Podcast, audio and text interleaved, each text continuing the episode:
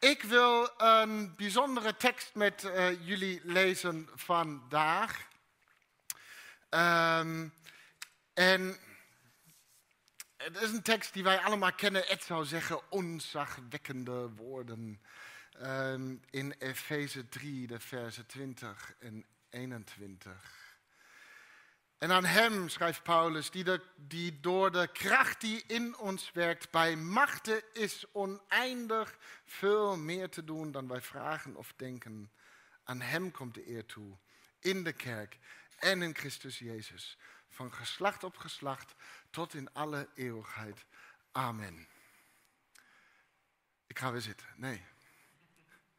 Want zo'n tekst deze machtige woorden willen doorgrond worden.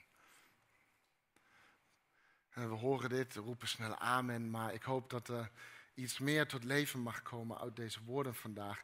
En, en een verhaal dat mij helpt om deze tekst goed te doorgronden is het verhaal van Gideon, dat we onder andere vinden, of vooral vinden in, in het boek Rechters, hoofdstukken 6, 7 en 8. En wij kijken voornamelijk naar hoofdstuk 7. Um, het verhaal begint ermee dat Gideon wordt geroepen om het volk Israël te leiden tegen de strijd tegen de Midianieten. Um, en de Midianieten die zijn een beetje een, uh, een, uh, een woestijnvolk. Uh, die zijn, ze zijn afkomelingen, nakomelingen van Abrahams derde vrouw. ik ben de naam kwijt, maar ja, op een gegeven moment hou je het ook niet meer bij. Hè? met al die vrouwen. Um, maar je ziet ook dat polygamie nooit uh, alleen maar gedoe oplevert. Um, maar, dus Gideon wordt geroepen om de strijd tegen de Midianieten te leiden. En in hoofdstuk 7 beginnen de voorbereidingen voor dit gevecht en uh, uiteindelijk het gevecht zelf. En stiekem, moet ik heel erg zeggen, is dit eigenlijk wat ik het leukst vind om te doen in preken. Zo'n verhaal pakken en helemaal uitpluizen. En dan hopelijk op een manier zoals je het nog nooit hebt gehoord. Ik probeer altijd verhalen te lezen alsof ik het voor het eerst lees. En bij een heleboel dingen die wij zo vanzelfsprekend zien, vraagtekens te plaatsen. En dat is stiekem wat ik het leukst vind. En ik heb dit ook weer met dit verhaal gedaan. En ik ben zoveel mooie dingen tegengekomen die ik hopelijk met jullie kan delen. En jullie kennen dit verhaal. Misschien ken je het verhaal nog niet. Dan kun je inderdaad heel eerlijk zeggen, zo heb ik het verhaal nog nooit gehoord. Um, Misschien ken je het verhaal wel en dan hoop ik dat je dat ook mag zeggen. Dus we gaan dat verhaal rechters uh, van Gideon even doorlezen, stap voor stap, en zien hoe zich dat beroemde verhaal ontvouwt. En misschien geeft het ons wat body aan deze woorden van Paulus. Dus we beginnen maar hiermee. De volgende morgen vroeg sloeg Gideon met zijn troepen zijn kamp op bij, bij de Garotbron. De Midianieten lagen iets noordelijker in de vallei aan de voet van de moren, of moren, moren. Toen zei de Heer tegen Gideon, het leger dat je bij je hebt is te groot. Ik lever de Midianieten niet aan jullie uit, want ik wil niet dat Israël zich erop roemt dat het zich op eigen kracht heeft bevrijd. Maak daarom bekend dat iedereen die bang is, kan vertrekken en via het bergland van Gilead terug naar huis kan gaan. Mooi hoe God een routebeschrijving meegeeft. Hè? Ja, maar goed. Daarop vertrokken 22.000 man, 10.000 bleven over. Nou, het begint al goed, hè? In, in het voorafgaande hoofdstuk uh, lezen we dat Gideon enorm onzeker was. En dan helpt dit niet mee. Hè? Onzeker is over zijn vaardigheden, onzeker is over de opdracht. En dat zien we natuurlijk overal in de Bijbel. Allemaal zijn ze onzeker over hun opdrachten. Um, en, en hij verzamelt dus een leger van 32.000 man. En, en de Midianieten waren met ongeveer 135.000. Dat is 103.000, heb ik goed uitgerekend, 103.000 mensen meer. Dus allemaal heel eerlijk. Maar God vindt dat het nog veel te eerlijk is. En vraagt aan Gideon om iedereen naar huis te sturen die bang is. En je zou nu denken dat er een of ander ongelooflijk overmoedige underdog geest heerst. Maar, maar toen Gideon de vraag stelt, jongens, iemand bang? Zeggen 22.000 mensen, ja, mazzel. Waren Joden. Dus God zegt, stuur ze maar liever naar huis. Die, die willen hier eigenlijk niet zijn. Ze zullen dus ook niet echt hun, hun best geven, hun beste geven. En, en, je krijgt er niet meer vertrouwen in zo, hè, op die manier. En, en, en herken je een beetje misschien wat, wat, wat onzekerheid vaak doet. Onzekerheid verzamelt dingen om zich in te dekken. Onzekerheid verzamelt uh, hamstert opties en, en verzekeringen. Uh, als we maar heel veel opties hebben, dan hebben we altijd heel veel mogelijkheden om iets te doen. Maar we moeten geen van al die opties die we hebben echt aanpakken. Iemand heeft een keer gezegd, echte vrijheid komt als je opties weg durft te strepen. Als je zegt, ik heb tien dingen, ik streep negen weg, dan weet ik namelijk, dit ene ding ga ik doen. En dan zit er weer beweging in. Maar onzekerheid hamstert opties en dan hoeven we ook niks meer te doen. Um, uh, meer is beter, ook al zijn het niet de beste opties en ook niet de beste zekerheden. Maar dan is daar God die zegt, stuur het grootste gedeelte maar weer weg. Want hier heb je niks aan. Het zijn valse zekerheden. Dus let op, want, want dit is gelijk een goed begin. Dus in tijden dat we onzeker zijn over, over onze plek in het leven, in ons doen en zijn, omgeven we ons vaak met, met mensen en, en, en dingen die niet het beste met ons voor hebben. Ook niet het slechtste, maar, maar ook niet het beste.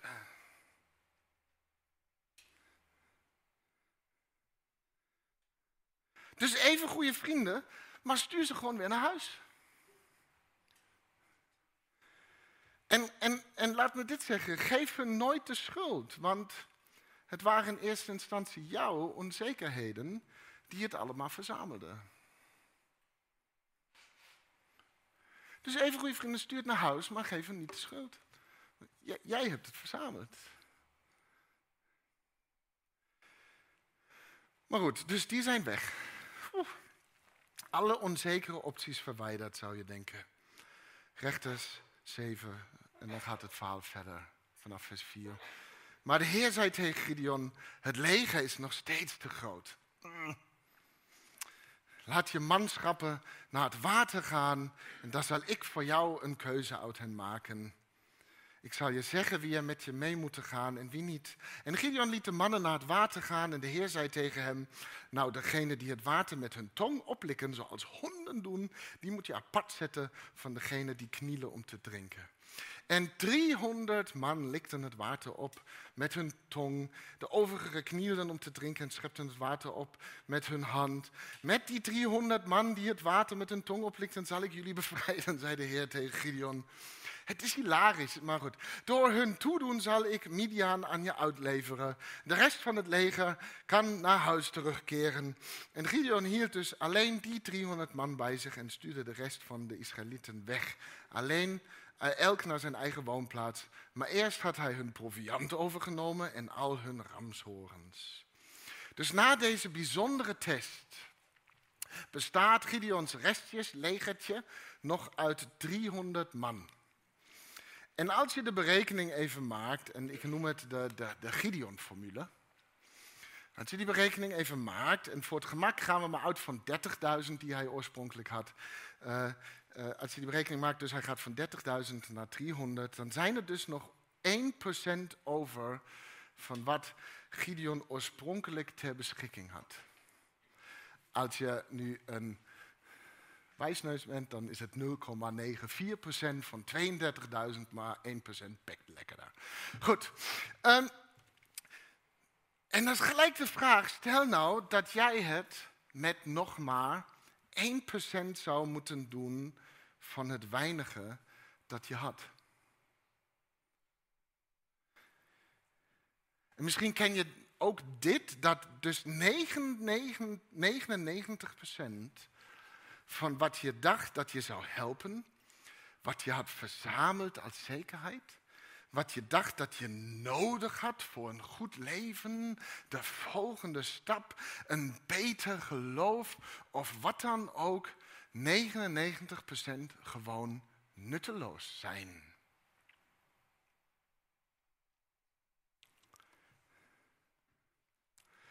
Dat, luister goed, dat 99% waarvan je dacht dat het je kracht is, volgens God blijkbaar niet is wat jij nodig hebt.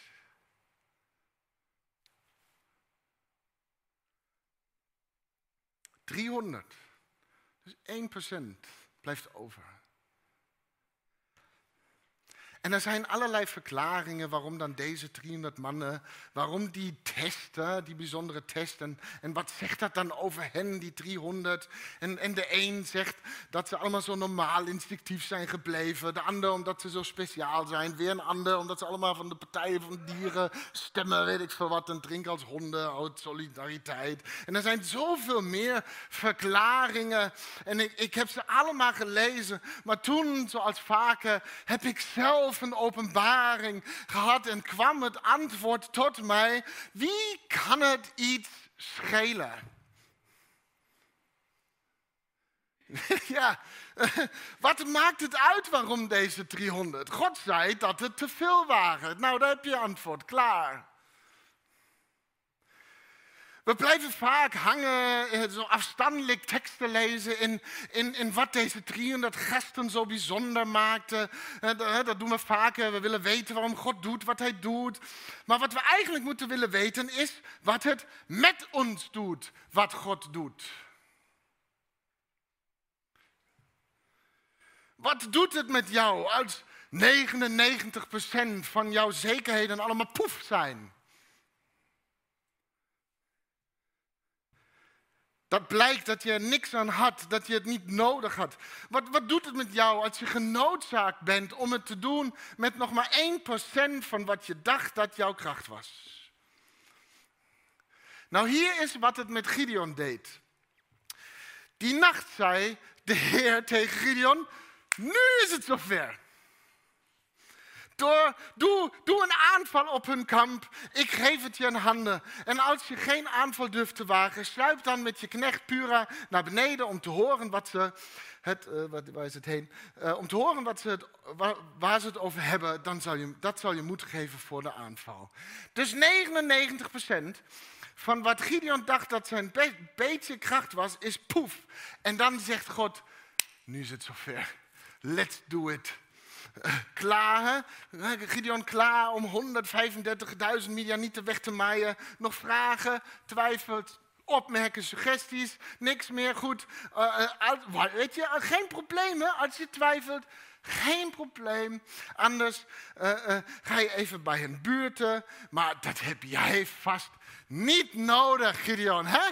Dat heb jij niet nodig, Gideon. Want iedereen die bang is, hè, Gideon, iedereen die bang is, die is al naar huis gegaan. Dus Gideon, samen met zijn knecht Pura, sloop Gideon tot vlak bij de voorposten van de vijand.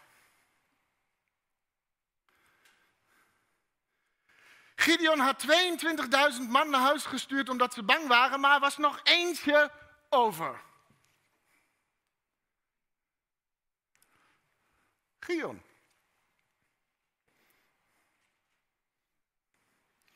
En, en het is geweldig wat God hier doet.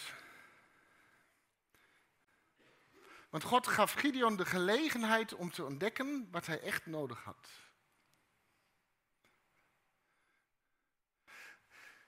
Onderzoek toont aan dat mensen zichzelf eigenlijk helemaal niet zo goed kennen. En dus ook niet weten wat ze nodig hebben. Maar iedereen heeft wel een idee wat hij nodig heeft. En dat vragen we dan aan God. En dan blijkt dat God het nooit geeft, maar altijd gelegenheden geeft om te ontdekken wat je nodig hebt. Dat is vervelend.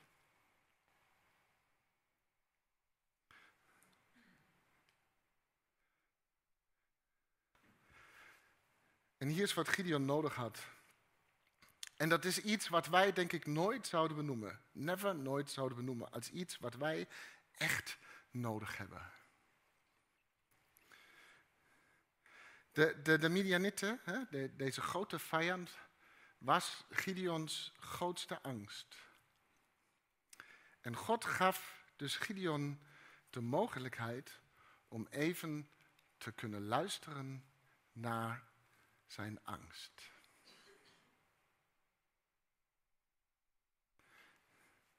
Wie heeft dat nodig?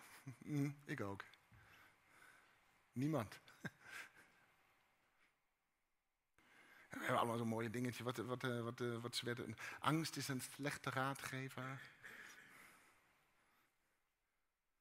Dus niet luisteren naar je angst. Maar dat had hij even nodig. God zegt, ga maar luisteren naar wat ze te zeggen hebben.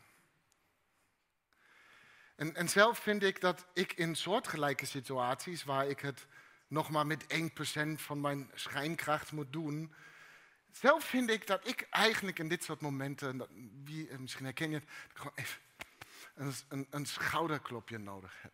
Dat, dat heb ik nodig. Een lief kaartje. Oh, dat, dat zou fijn zijn. Een heel lief kaartje. Gewoon zo'n fijne bemoedigen. Een, een, mooi woord, een, een steunpilaar. Mm. Dat, dat heb ik nodig. Een, een, een, hartje onder mijn riemtje. Dat, dat heb ik nodig. Maar wat hier gebeurt is nieuw. God zegt, luister naar wat je angsten zeggen. Luister maar naar ze. Luister maar naar je angst. En dat zal je moed geven. Mm. Wie kwam heel moedig uit uh, voort toen hij de raad heeft aangenomen van zijn angst? Precies, ik ook niet. Maar ergens begint moed dus met luisteren naar je angst. En, en even voor duidelijkheid, God creëerde met, met Gideons God creëerde niet Gideons angst door, door 99% van zijn zekerheden te laten verdwijnen, want die angst was er al. maar God creëerde de ruimte waarin Gideons angst tevoorschijn kon komen. Snappen we het verschil? Ja? Uh, waarin hij zijn angst kon ontmoeten, want God wist dat hij er iets mee moest. En hoe vaker dus een bepaalde angst in jou tevoorschijn komt, hoe groter de kans dat God of het leven je uitdaagt er iets mee te doen. Hoe vaker het aanklopt, hoe, hoe, hoe, hoe liever het serieus wil genomen worden, hoe graag het serieus wil genomen worden. Zeg ik dat goed? Je snapt het wel. Maar weet je, het gevecht was, was sowieso kansloos. Ook met 32.000 man was Gideon niet opgewassen tegen 135.000. Dus hoeveel uiteindelijk zouden gaan vechten was niet interessant. Maar wat het deed met Gideon is interessant. En het deed zijn angst tevoorschijn komen. En het was die angst van Gideon dat hij het misschien niet in zich had wat God van hem vroeg. Het is deze angst die in ons allemaal zit. Bang dat we niet een huis hebben wat nodig is om dit complexe leven te leven met het geloof dat het ook anders zou kunnen. En daarom denken we dan ook dat we van alles nodig hebben waarvan meestal 99% nutteloos zijn. Dat is de Gideon-formule. Dus God zegt, ga maar luisteren naar die angst. En blijf even hangen op dat thema, want een mythe over angst is, is dat je angst moet overwinnen. Dat je angst moet veroveren. En, en, en teksten zoals 1 eh, Johannes 4, liefde sluit alle angst uit, die, die helpen dan gelukkig met het overschreeuwen van het feit dat het nog niemand is gelukt om al zijn angsten te overwinnen. Maar als we het hard genoeg prullen, geloven we wel dat er vast echt iemand eentje moet zijn. Maar de waarheid over angst is dat je leert te communiceren met je angst. niet strijden tegen je angst. soms krijg ik van mensen de vraag hoe ze hun angsten even goed een schop onder de kont kunnen geven. En dat klinkt uiteraard als een heleboel lol, krachtpatterig met jezelf bezig zijn, schoppen die angsten. Maar, maar weet je wat veel gekker is? Dat is communiceren met en luisteren naar en boven alles praten met je angst. Al iemand afgehaakt? Ja, ik snap het. Het klinkt super raar. Schoppen is meer lol. Maar hier is het dilemma. Angst is deel van jou. Angst is deel van jou. Je angst is deel van jou. Je angst schoppen is dus vooral jezelf klappen verkopen. Dat is het, dilemma nummer één. Dat leidt naar het volgende dilemma. Jij hebt deze angst gemaakt. Ed zei dat altijd zo mooi. Wij maken ons zorgen. Dat heeft niemand jou aangedaan. Dat heb je zelf gedaan. Jij hebt het gemaakt. En jij hebt deze angst gemaakt. Het is dan ook alsof je je eigen kind zou schoppen. En het laatste is, jij hebt deze angst met een reden gemaakt. Het is dus handig om uit te zoeken wat die reden is. En, en, meestal wil angst, om een reden te benoemen, wil angst ons beschermen tegen gevaar. weet je, ja, je, angst heeft een, een missie. Om te zorgen dat jij veilig bent. Je te beschermen voor, voor falen, vernedering en, en teleurstelling. Dus je angst zal je vaak tegenhouden te werken aan de dingen waar jij aan wilt werken. Want falen en teleurstelling sluimeren overal. Dus angst blijft vervolgens komen met zorg en vragen en twijfel en, en wat als. Maar weet je, die beschermingsmechanismen werkt vaak niet helemaal zoals gewenst. Het is, het is een slechte strategie, maar wel een goed bedoelde. Dus geef je angst ook wat credit. Het is een goed bedoelde strategie, maar een slechte. Want angst verlamt ons vooral in plaats van ons te beschermen. Dus je komt niet verder eigenlijk met de dingen in je leven die je wilt doen.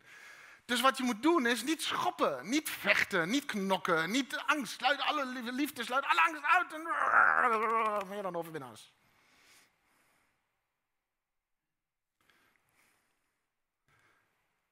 De enige manier is door, wat je moet doen is, je moet je angst ontmantelen. De enige manier door dat, dat, dat te doen is door te praten met je angst. Net als iedereen wil angst opgemerkt worden, wil gezien worden, serieus genomen worden. Je angst wil weten dat jij de nodige stappen neemt om jezelf te beschermen. Je angst heeft vooral geruststelling nodig. En ik hoop dat je merkt, ik help je een beetje uh, uh, om, om vriendjes te worden met je angst. Dus dus luister naar je angst en, en, en stel deze gerust. Niet luisteren naar je angst en de hele tijd zeggen: dat is een goed punt, dat is een goed punt, dat ga ik ook niet meer doen, dat ga ik ook niet meer doen, dat ga ik nooit meer komen, die ga ik ook nooit meer spreken. Geweldig, dankjewel, ik ga me nu opsluiten. Dat is niet wat ik bedoel met luisteren naar je angst. Maar dus luister naar je angst en, en praat met haar. Stel deze gerust. Zeg angst, ik heb je gehoord. Wil iemand even opnemen? Goed. Angst belt. Ja. Wie voelt nu de angst dat zijn mobiel misschien ook nog aan zou kunnen staan? Stiekem checken we nu allemaal. Goed. Stel je angst gerust die je nu voelt en zegt, ik heb je gehoord, angst. Ik snap je zorg. Wat goed van je dat je naar me omkijkt. Dank je wel. Heb je ooit je angst bedankt? Zeg dank je wel dat je, dat je naar me omkijkt. En dan tegen haar zeggen, tegelijkertijd is dit wat ik wil doen. En ik weet, het is spannend angst, maar ik, ik kan dit wel. Het komt echt goed.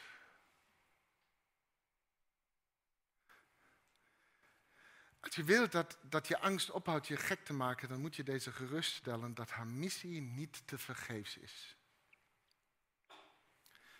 vertel je angst dat je haar verlost van haar missie en je de missie overneemt om zelf te zorgen voor je welzijn. En dus door zo te praten met je angst, daarom vertel ik ons dit, kun je vervolgens afstand nemen van je angst. Het gevoel is er nog wel, maar het is wel op een gezonde afstand. Dus God liet Gideon de interactie aangaan met zijn angst. En ik weet dat de momenten waarin we angst beleven de laatste momenten zijn waarin we vinden dat we er moeten zijn. Maar wat als het dus de momenten zijn, de ruimte is waar God je de gelegenheid geeft om te luisteren naar en te praten met je angst, zodat je afstand kunt nemen.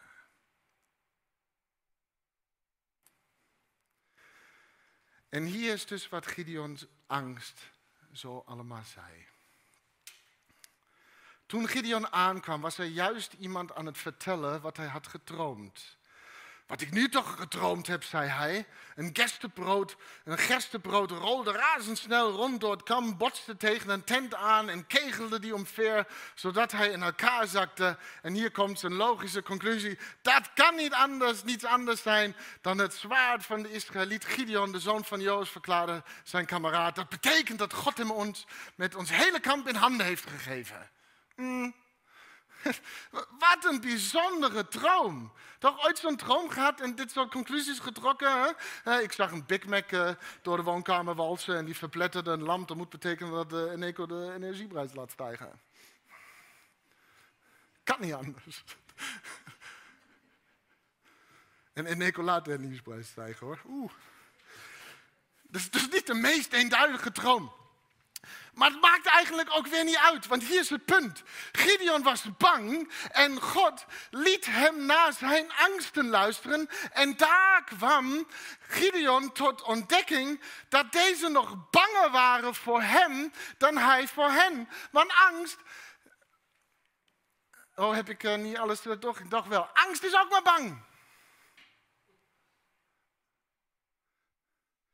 En er is zoveel in deze wereld waar we bang voor zijn. En, en die angst probeert ons te beschermen. Maar de reden waarom we bang zijn voor deze dingen is omdat ze zo bedreigend doen. Omdat ze zelf nog veel banger zijn. Bijvoorbeeld een slang hè, eh, komt heel bedreigend over omdat ze heel bang is voor jou. En vervolgens ben jij bang voor de slang omdat ze jou bedreigt.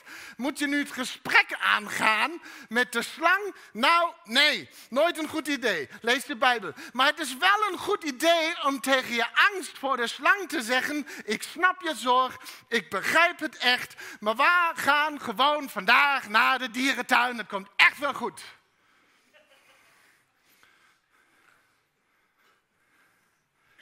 Velen gaan enorm gebukt onder, onder bedreigende suggesties die de slang, de duivel blijft strooien en gooien. Ze gaan gebukt onder het idee dat het kwaad hen aan alle kanten wil pakken en vernietigen. En tuurlijk gaat je angst reageren op deze bedreigingen. Maar de enige reden waarom de boze zo bedreigend in de aanval springt, is omdat hij nog veel banger is voor wat hij al weet en waar wij soms nog aan twijfelen. Wat hij namelijk weet, is dat je de kracht van Jezus in jou hebt. Dus hij zit te trillen bij de gedachte dat hij het door zou kunnen hebben. Hij is banger voor jou dan jij voor hem. Daarom, daarom zijn aanval. Je bent een bedreiging. En ik moet nog iemand tegenkomen die niet op de een of andere manier worstelt met geloof en leven. We voelen allemaal de druk. We voelen allemaal de aanval. Dus stel je angst gerust en zeg: Ik heb de kracht van Jezus in mij. Weet je, anders zou ik niet zo onder vuur staan. Ik kan dit. Ik kom er echt wel doorheen. Ik ga dit winnen, hier of aan de andere kant van de eeuwigheid. Aan het einde komt het hoe dan ook goed. En als het niet goed is, is het ook niet het einde. Dus angst, ik begrijp je. Je maakt goede punten. Maar de kracht van Jezus in mij heeft altijd het laatste woord.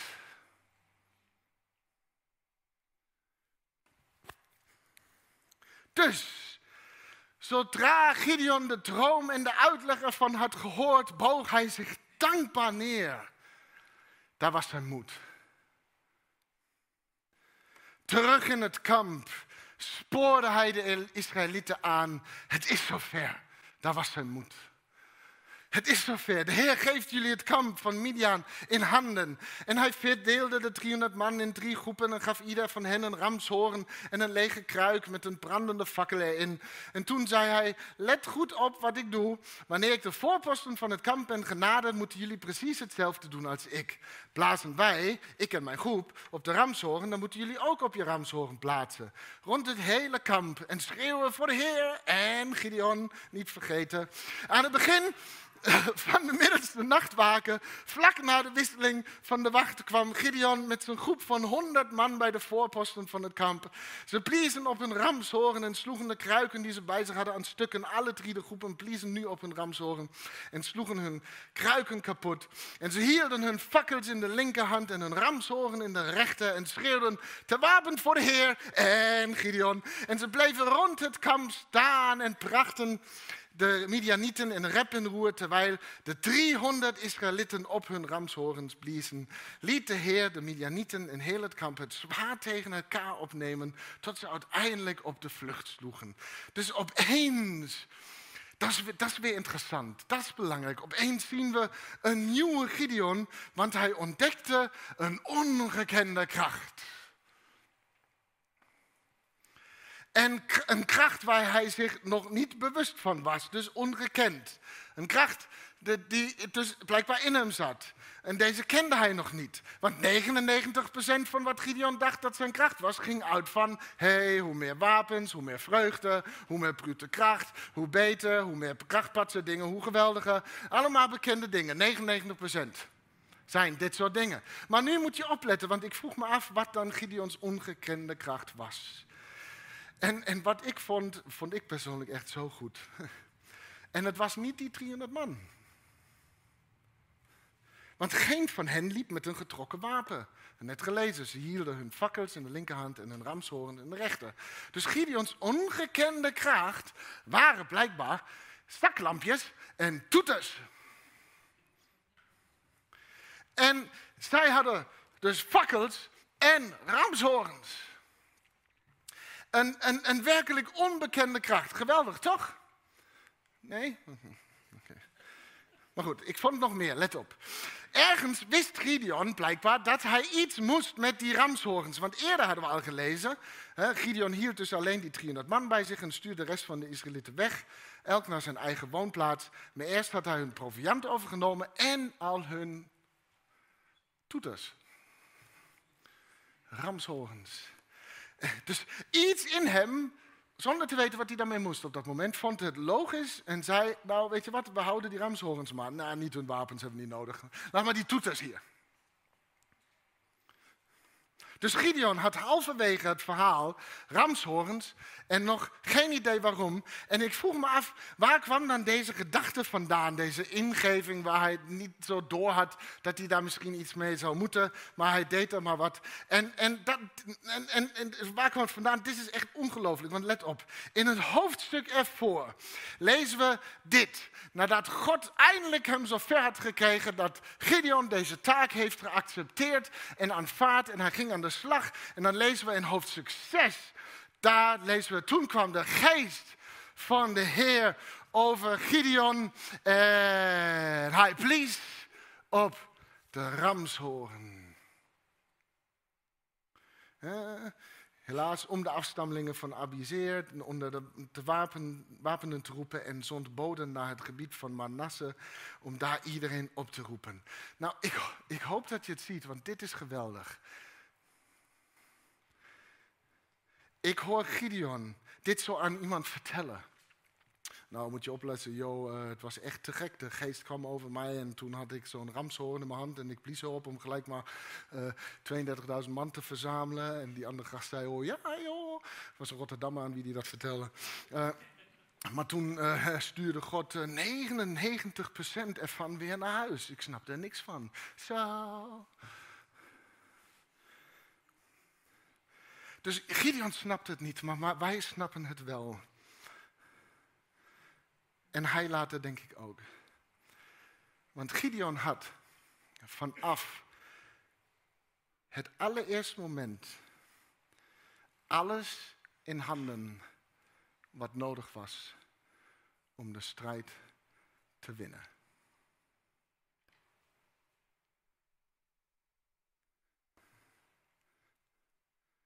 Dus vanaf het begin hebben we het al in ons.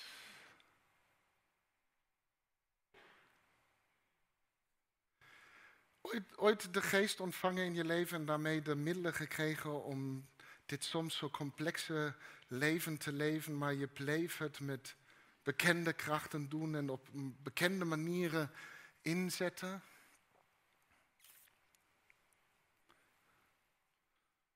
God gaf Gideon vanaf het begin alles wat nodig was, maar, maar Gideon ging het gebruiken om onzekere, bekende krachten te verzamelen. Dus er was ruimte nodig voor Gideon om te ontdekken waarom hij dat deed. En God creëerde die ruimte. En in deze ruimte ging Gideon met zijn angsten praten. Het is daar dat hij moed kreeg om te geloven dat hij de 99% niet nodig had, maar al lang in handen had wat nodig is. God daagde hem uit om in een ongekende kracht te staan die al in hem zat. En de geest van de Heer kwam over Gideon.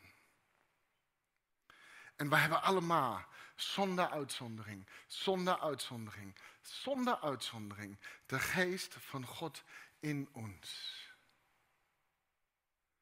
We hebben deze kracht van God, de opstandingskracht van Jezus al in ons. En soms moeten we eerst 99, moeten eerst 99% poef, voordat we met dat laatste 1% wat nog over is, leren te staan in deze kracht in ons. Maar God brengt ons er wel, want het is de Gideon-formule. Hij heeft al vanaf het begin in je gelegd wat nodig is om te leven vanuit deze ongekende kracht. God heeft vanaf het begin al in je gelegd wat jij echt nodig hebt om de strijd aan te gaan. Je hebt het al in handen. En God heeft vanaf het begin al in je gelegd wat jij nodig hebt om te leven met onuitputtelijk geloof. Dus dat het ook anders kan. Dus ga maar het gesprek aan met je angsten. Dat het je niet zal lukken. Eh, dat die angst die zegt dat het je niet zal lukken. Ga het gesprek maar aan en ontvang moed. Dus aan Hem, die door de kracht die in ons werkt. Bij machten is oneindig veel meer te doen dan de 99 procent dan wij vragen of denken, ongekend. Aan Hem komt de eer toe, in de kerk, dat ene procent, en in Christus Jezus, van geslacht tot geslacht, tot in alle eeuwigheid. Het zat er altijd al. Amen. Amen.